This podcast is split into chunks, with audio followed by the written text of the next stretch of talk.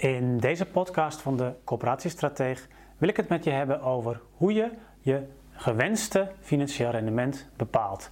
Stel dat je dus al je financieel rendement in beeld hebt, je feitelijk financieel rendement.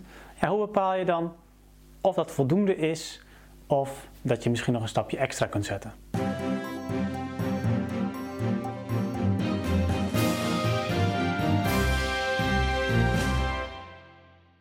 Vooraf nog even dit. Uh, besef je dat, kijk, het feitelijk rendement, daar probeer je zo goed mogelijk de feitelijke situatie in beeld te brengen. Je probeert zo goed mogelijk op basis van alle kosten en op basis van de inkomsten die je met het complex gaat, uh, gaat krijgen of, of hebt, die bepalen uiteindelijk wat het financiële rendement is. En dat probeer je zo feitelijk mogelijk in beeld te brengen. Als het gaat om het gewenste financieel rendement, dan is het niet zo dat daar dat er een bepaalde uh, norm is die altijd goed is of die altijd geschikt is voor jouw coöperatie. He, dat bepaal je voor een groot deel ook zelf als coöperatie. Dus je moet daar goed over nadenken, ook met name wat je daarmee wilt.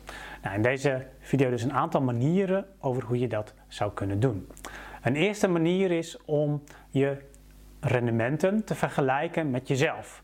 Dus onderling tussen complexen te gaan vergelijken. Um, maar nog interessanter, op het moment dat je het aantal jaren doet, dan kun je natuurlijk ook gaan kijken of je erin slaagt om je financieel rendement te verbeteren. Dus of je op complexen die slecht scoorden twee, drie jaar geleden, of je daar met een aantal maatregelen um, uh, voldoende impact kunt hebben om ervoor te zorgen dat het rendement op die complexen verbetert. Door bijvoorbeeld uh, ervoor te zorgen dat je daar goedkoper kunt werken of dat je meer inkomsten in dat complex genereert. Um, dus dat is één manier om uh, jezelf langs de meetlat te leggen door je te vergelijken met jezelf. En dat kan met je eigen verleden zijn en het kan ook tussen complexen onderling zijn.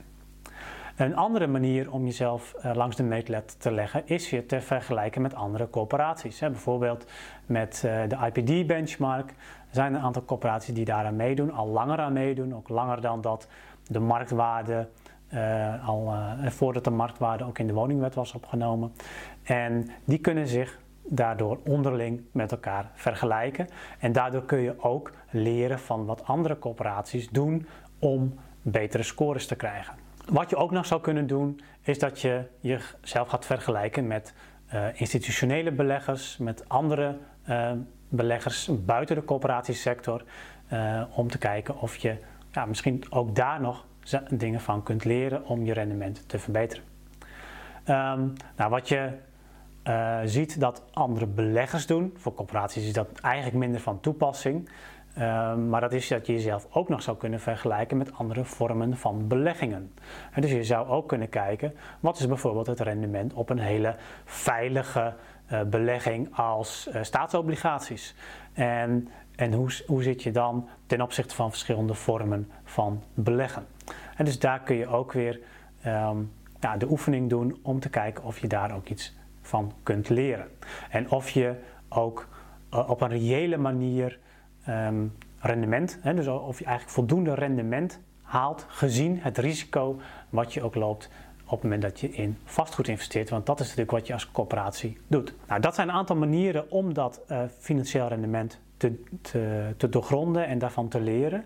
En een probleem daarbij is wel dat je dan natuurlijk, de manieren die ik tot nu toe heb genoemd, dat je alleen naar het financiële rendement kijkt. En als coöperatie is het natuurlijk heel belangrijk dat je ook maatschappelijk rendement um, ja, levert aan de maatschappij.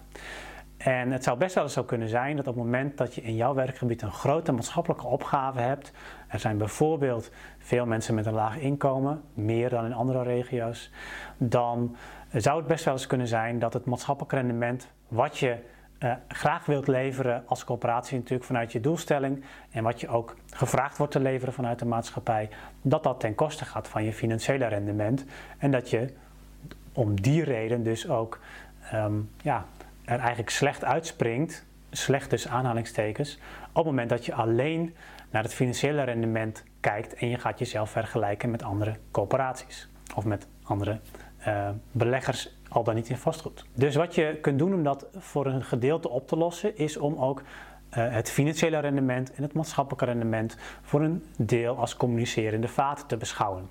Waarbij je, uh, als je ook erin slaagt om het maatschappelijk rendement van een complex goed te meten, kunt, uh, kunt zeggen dat hoe meer maatschappelijk rendement je hebt op sommige vlakken, als het gaat om betaalbaarheid, is het heel duidelijk dat de betaalbaarheid altijd ten koste zal gaan van je inkomsten en daarmee ook uh, van je financiële rendement.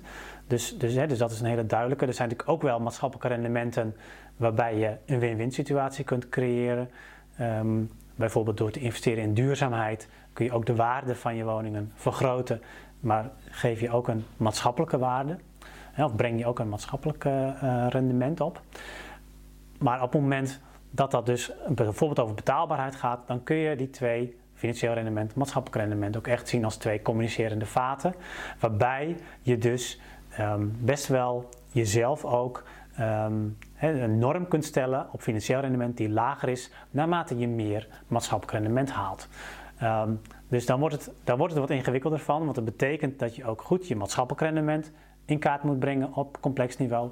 En dat betekent vervolgens dat je jezelf verschillende normen op gaat leggen, of verschillende meetlatten eigenlijk gaat meten, al naar gelang het maatschappelijk rendement wat een complex oplevert. Dus een complex wat hoger scoort als het gaat om maatschappelijk rendement, die mag ook wat lager scoren op het financiële rendement. Nou, dat is wel um, ja, waar je eigenlijk naartoe zou willen als je jezelf als coöperatie op een eerlijke manier ook met anderen wilt kunnen vergelijken. Bedankt voor het luisteren naar deze podcast. Wil je nieuwe afleveringen ontvangen? Abonneer je dan op deze podcast. En kijk ook eens op onze website corporatiestratege.nl voor meer praktische tips en downloads die jouw werk als coöperatiestratege makkelijker maken.